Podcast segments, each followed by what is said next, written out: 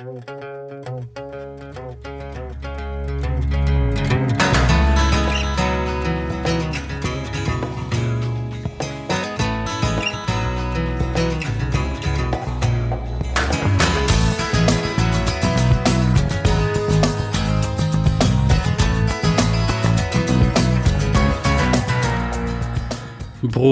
הבאים למסך של כסף פודקאסט בשידור לא כל כך חי אבל עדיין רלוונטי. כמו כל שבוע הנה סקירת סוף השבוע האחרון בקופות התחזית לסוף שבוע הבא וגם קצת חדשות פיקנטיות בין לבין והכל מבית רפי רשת פודקאסטים ישראלית. אני רשף ואני איזה שאקח אתכם לטיול בין הצלחות כישלונות והפתעות קופתיות בהוליווד במסך הקטן ובשאר העולם. וכמו בכל שבוע בואו נתחיל בטבלה שלנו ומה קרה. אז uh, בטבלה יש כמה דברים מעניינים השבוע וכמה תחזיות שלי משבוע שעבר. Uh, במקום הראשון אנבל uh, קריאיישן המשך לסרט uh, אימה פרנצ'ייז מצליח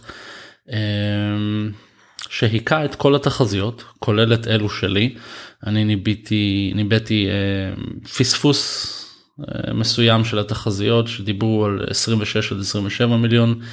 אה, אני הלכתי נמוך מזה חשבתי שמדובר פה בסביבות ה-20 מיליון אבל לא רק אני בערך כל מומחה בעולם פספס את ההצלחה שלו 35 אה, מיליון דולר בארצות הברית ועוד 36 וקצת בשאר העולם.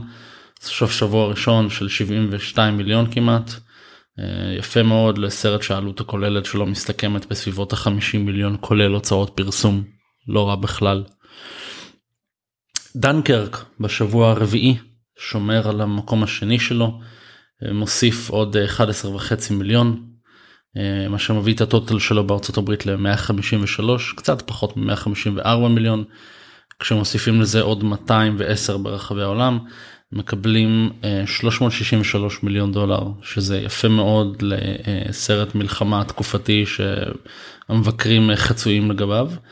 אה, למרבה ההפתעה או שלא כל כך בהתחשב במוניטין של כריסטופר נולן הסרט הזה כרגע רק במקום השישי מכל מבחינת הכנסות אה, של כריסטופר נולן בכל העולם מעניין. זה אומר שיש לו כמה הצלחות בכיס האחורי. נאט ג'וב 2 סרט אנימציה המשך uh, כמו שאמרנו שבוע שעבר יצא המקור יצא בשנת 2014 אה, פה בניגוד לאנבל פגעתי בול. Uh, התחזית שלי הייתה בטווח של 8-9 מיליון בניגוד לשאר התחזיות שדיברו על 12 עד 14 מיליון ואני צדקתי baby 8.8 מיליון total לסוף שבוע. לא יצא עדיין ברחבי העולם ולכן אין אה, מספרים אה, ממנו. המגדל האפל בשבוע השני כצפוי אה, חוטף נפילה די כואבת 7.8 מיליון דולר בסוף שבוע השני נפילה של קצת פחות מ-60 אחוז סך כל הכנסות של 34 מיליון עם עוד 19 מיליון מרחבי העולם אז קצת יותר מ-50 מיליון. לא נראה טוב כשמדובר בסרט עם uh, תקציב של יותר מ-60 מיליון uh, ועוד 60 מיליון uh, הוצאות פרסום שונות ומשונות. סרט אימוג'י ממשיך ממשיך לאט לאט uh, 63 מיליון דולר עד עכשיו בארצות הברית עם עוד 33 בשאר העולם מתקרבים למאה ויעברו אותו לסרט אה, שעלות ההפקה שלו היא די מינורית כמו רוב סרטי האנימציה. Girls Trip הוא אולי הלהיט המפתיע של הקיץ.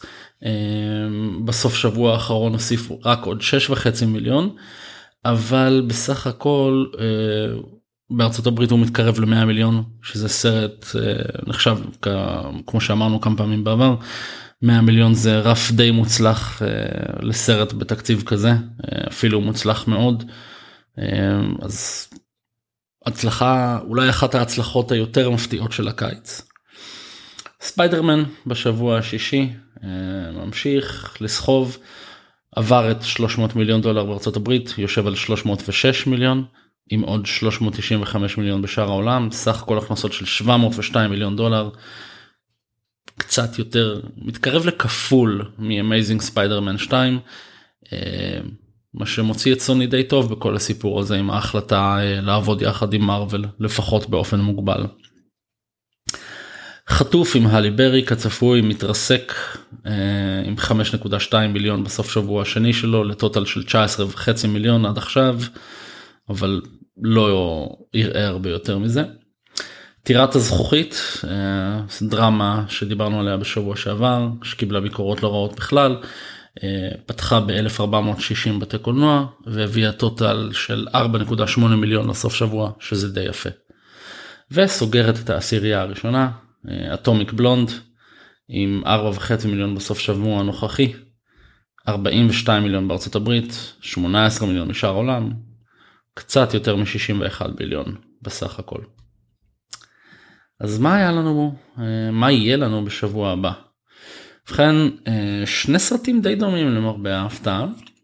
יש לנו את שומר הראש והמתנקש עם סמואל ג'קסון וריין רנולדס אה, או כמו שהוא ידוע אה, בכינויו בארצות הברית ושאר העולם The Hitman's Bodyguard אה, עם דירוג של R כלומר למבוגרים בלבד מעל גיל 17 אלא אם כן זה בליווי יפתח בשלושת אלפים בתי קולנוע. ההימורים מדברים על סביבות ה-20 מיליון אני אלך יותר גבוה. אני הולך 24-25 מיליון עם נטייה אפילו לכיוון ה-26. אה, והסיבה היא שמדובר פה בשני כוכבים שיש להם מוניטין די טוב. אה, ריין רנולדס מביא אה, אסופת אוהדים בטוויטר ופייסבוק שהיא מאוד נכבדת. מקדם את הסרט הזה בצורה די יפה. אז יש פה סיכוי טוב גם לעוד איזושהי הפתעה חביבה שכזאת. אה, מולו לעומת זאת אה, עולה Logan Lucky אה, של סטיבן סודרברג עם cast לא פחות ואולי אפילו יותר מרשים דניאל קרייג צ'אנינג טייטום אדם דרייבר ועוד המון כוכבים כמו כל הסרטים של סטיבן סודרברג בערך. לעומת סמואל ג'קסון וריין רנולדס Logan Lucky יפתח רק באלפיים וקצת בתי קולנוע ככל הנראה.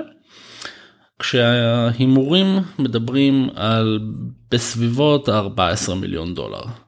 ההימור שלי בניגוד ל Hitman's Bodyguard אני אלך נמוך יותר אני הולך 9 עד 10 מיליון לכל היותר אני חושב שמדובר פה על סרט אה, שהוא יותר נישתי מ Hitman's Bodyguard ולמרות שהשם של סטיבן סודרברג אה, למביני קולנוע הוא נחשב כמשהו אה, לכתוב עליו. אה, אני לא בטוח שיש לו מיינסטרים אפיל כזה מעבר לסרטים אחרים שהוא עושה כבר בעבר. אה, והקאסט הוא פחות אה, אטרקטיבי בוא נגיד מבחינת המשיכה לקהל הרחב אז אה, נמוך יותר יש גם עוד שניים או שלושה סרטים קטנים שיוצאים ב... לימיטד ריליס ברחבי ארצות הברית אז לא נרחיב עליהם למקרה שהם אה, אה, יעלו בפורמט רחב יותר בשבועות הקרובים. אז אה, זה הדיווח שלנו לגבי הקופות ונעבור לחדשות. אז בערך יום וחצי אחרי שהקלטנו את הפודקאסט בשבוע שעבר העולם התפוצץ עם החדשות של דיסני שיפתחו שירות סטרימינג עצמאי מתישהו לקראת שנת 2019 עם כל התכנים שלהם שזה אומר סטאר וורס וזה אומר מרוויל וזה אומר אלף ואחד דברים אחרים. אממ, המשמעות פה היא מעניינת במיוחד לא רק בשביל דיסני אלא יותר אפילו בשביל אה, חברות סטרימינג מבוססות כמו נטפליקס אמזון פריים הולו ושאר דומותיהן. אה, דיסני היא מעצמה עולמית בכל קנה מידה, בקנה מידה של הפצה, בקנה מידה של פרסום, אה, בכל מה שרק תרצו. עכשיו נכון לשעה זו אה, מדובר כנראה על משיכה לפחות זמנית של תכנים של דיסני מכל חברות סטרימינג אחרות, אבל רק בגבולות ארצות הברית. שזה החלטה די מוזרה. דיסני היא חברה שלרוב מטפלת בהפצה של הסרטים של עצמה בכל העולם. אז קשה להגיד שאין להם תשתית מבוססת כמו שצריך. התשתית שלהם כן קיימת. זה עניין שרק של לעשות את ההתאמות בין הפצה של סרטי קולנוע להפצה של שירותי סטרימינג והתוכן שלהם. התיאוריה שלי ואין לי סימוכין על זה משום מקום היא שמדובר פה באיזשהו רצון של דיסני למקד את המאמצים לפחות בהתחלה בארצות הברית. לבדוק את המים כמו שאומרים בפורמט די מוגבל ואם זה ילך טוב אז ירחיבו את השירות לשאר העולם. מה שכן זה מהלך שיכול להיות בעייתי לשאר חברות הסטרימינג כמו שאמרנו. מדובר פה בנתח הכנסות לא קטן. ושירות כמו של דיסני עם יכולות ההפצה והפרסום של המכונה הזאת מאחוריו הוא די משמעותי. אז מניח שבשבועות ובחודשים הקרובים נשמע יותר על הסיפור הזה ככל שהשירות של דיסני יקרום עור וגידים ונראה מה קורה שם בדיוק. עוד חדשות לגבי קניות ורכישות ודברים כאלה נוגעות לחברת פוקס המאה ה-21 21st century fox ששייכת לרופרט מרדוק האוסטרלי. בחודשים האחרונים 21st Century Fox נתקלת בקשיים באנגליה. הם הציעו לרכוש את רשת סקאי בסכום של בסביבות 15 מיליארד דולר. ליתר דיוק זה השלמת רכישה כי 21st Century Fox שולטים כבר ב-39% מסקאי ככה שלמעשה הם מוכנים לשלם עוד 15 מיליארד בשביל ה-61% שלא שלהם. אבל כל מיני סוכנויות ממשלתיות דואגות לעצור או לפחות באופן זמני את העסקה הזאת. מחשש שיהיה פה איזושהי יצירה של מונופול מרדוק שולט גם על כמה עיתונים ברחבי אנגליה וברחבי העולם על רשתות טלוויזיה אחרות ברחבי העולם והדאגה של הממשל הוא שהוא ייצור פה איזושהי אימפריה לא, לא קטנה עם יכולת השפעה לא מבוטלת. ובמדינה מתוקנת כמו אנגליה בניגוד לישראל מדובר פה במשהו שנחשב כבעייתי. הקושי האחרון שלהם יש סוכנות ממשלתית שנוטה להעביר את בקשת הרכישה של מרדוק לבדיקה מקפת של כל הסוכנויות שנוגעות בדבר. מה שאומר אה, עיכוב של בין שישה לשמונה חודשים בהשלמת העסקה. עכשיו מרדוק לא מרוצה מזה אה, מסיבה די מובנת. אה, אם העסקה לא תושלם במהלך שנת 2017 לפי התנאים שלה מרדוק יצטרך לשלם יותר מ-220 מיליון דולר דיבידנדים למשקיעים השונים של 21st Century Fox כיוון שהוא דיווח על הרכישה הזאת כ done deal. מה שאומר ששיקוף ההכנסות העתידי של פוקס לקח בחשבון את השלמת הרכישה של סקאי ואם זה לא יקרה מרדוק יצטרך להוציא מהכיס הפרטי של החברה 220 מיליון דולר.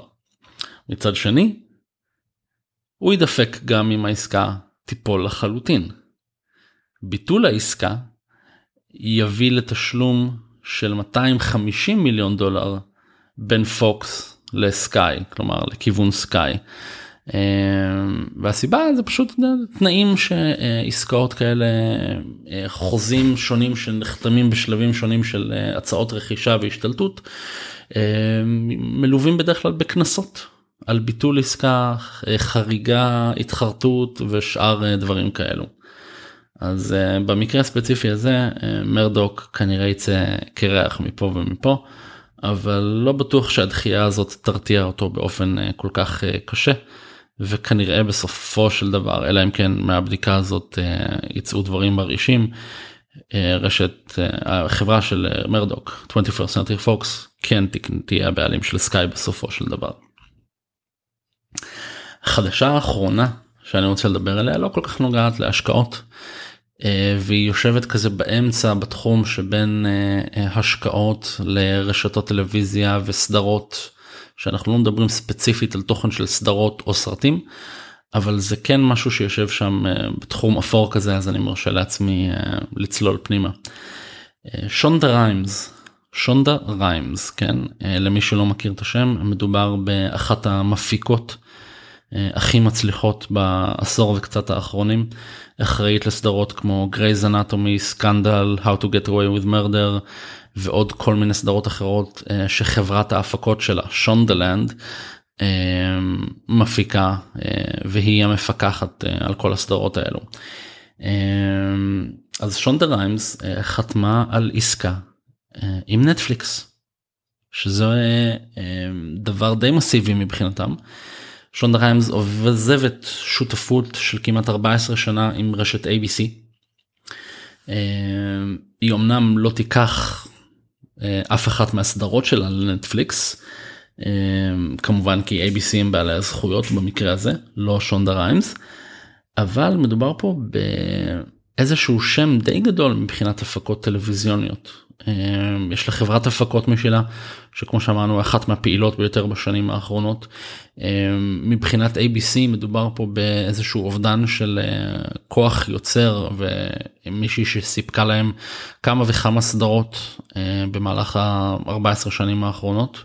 חלק מצליחות יותר חלק מצליחות פחות אבל עדיין הייתה פה איזושהי אה, אספקה שוטפת של סדרות שכולן מילאו חלל ב-ABC.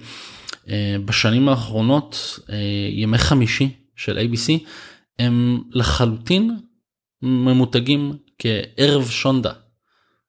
אה, שזה דבר די מדהים למפיקה אישה ואם אנחנו רוצים להיכנס גם לסיפור הזה כן גם שחורה במקרה.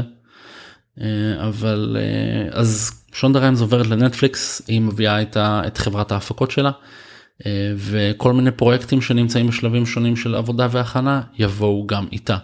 אז אה, נטפליקס היא המרוויחה די גדולה בסיפור הזה אה, ונחכה ונראה מה, מה יהיה מה יצא מהמעבר הזה. זהו לשבוע הזה. תם לו עוד שבוע של כספים וסיפורים מעניינים ברחבי העולם. אני רק רוצה להזכיר לכם שיש לנו דף פייסבוק של הפודקאסט שאתם מוזמנים uh, לעשות לו לייק. uh, אנחנו מדי פעם מעלים שם uh, סיפורים לינקים לכתבות לדברים מעניינים שקורים במהלך השבוע. כי כמובן אנחנו לא מספיקים להגיע לכל הסיפורים מרחבי עולם הבידור. אז כנסו לשם תעשו לייק תקבלו חדשות ואספקה של דברים אחרים חוץ מווידאוים של חתולים מנגנים בקיבורד uh, ונשתמע בשבוע הבא. וכמו כל שבוע נסיים בברכה הקבועה. לכו לראות סרט. ביי.